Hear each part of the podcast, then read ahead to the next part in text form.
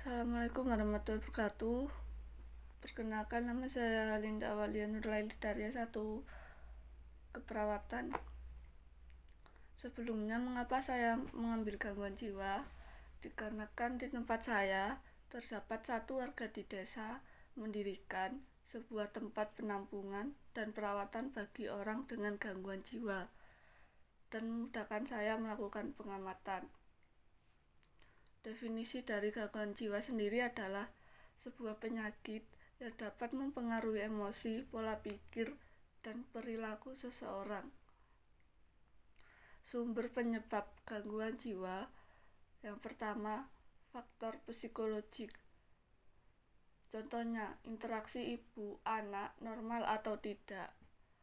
Kemudian peran ayah, persaingan antar saudara kandung, hubungan dalam keluarga, pekerjaan, dan masyarakat, kehilangan yang menyebabkan depresi, rasa malu, atau rasa bersalah.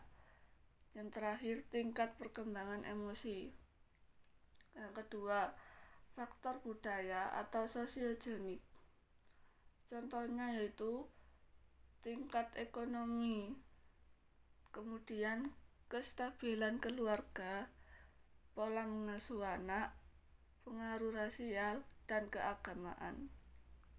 Yang ketiga, faktor somatogenik. Faktor ini pencetusnya dari mengkonsumsi obat-obatan berbahan kimia yang berbahaya.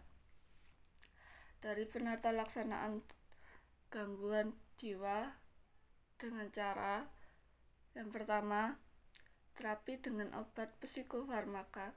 Contoh obatnya yaitu antipsikosis, antidepresan, antimania, dan anti-ansietas. Yang kedua, psikoterapi suportif atau psikoterapi singkat. Yang ketiga, berlatih mengelola stres. Demikian epidemiologi penyakit gangguan jiwa dari saya sekian dan terima kasih. Wassalamualaikum warahmatullahi wabarakatuh.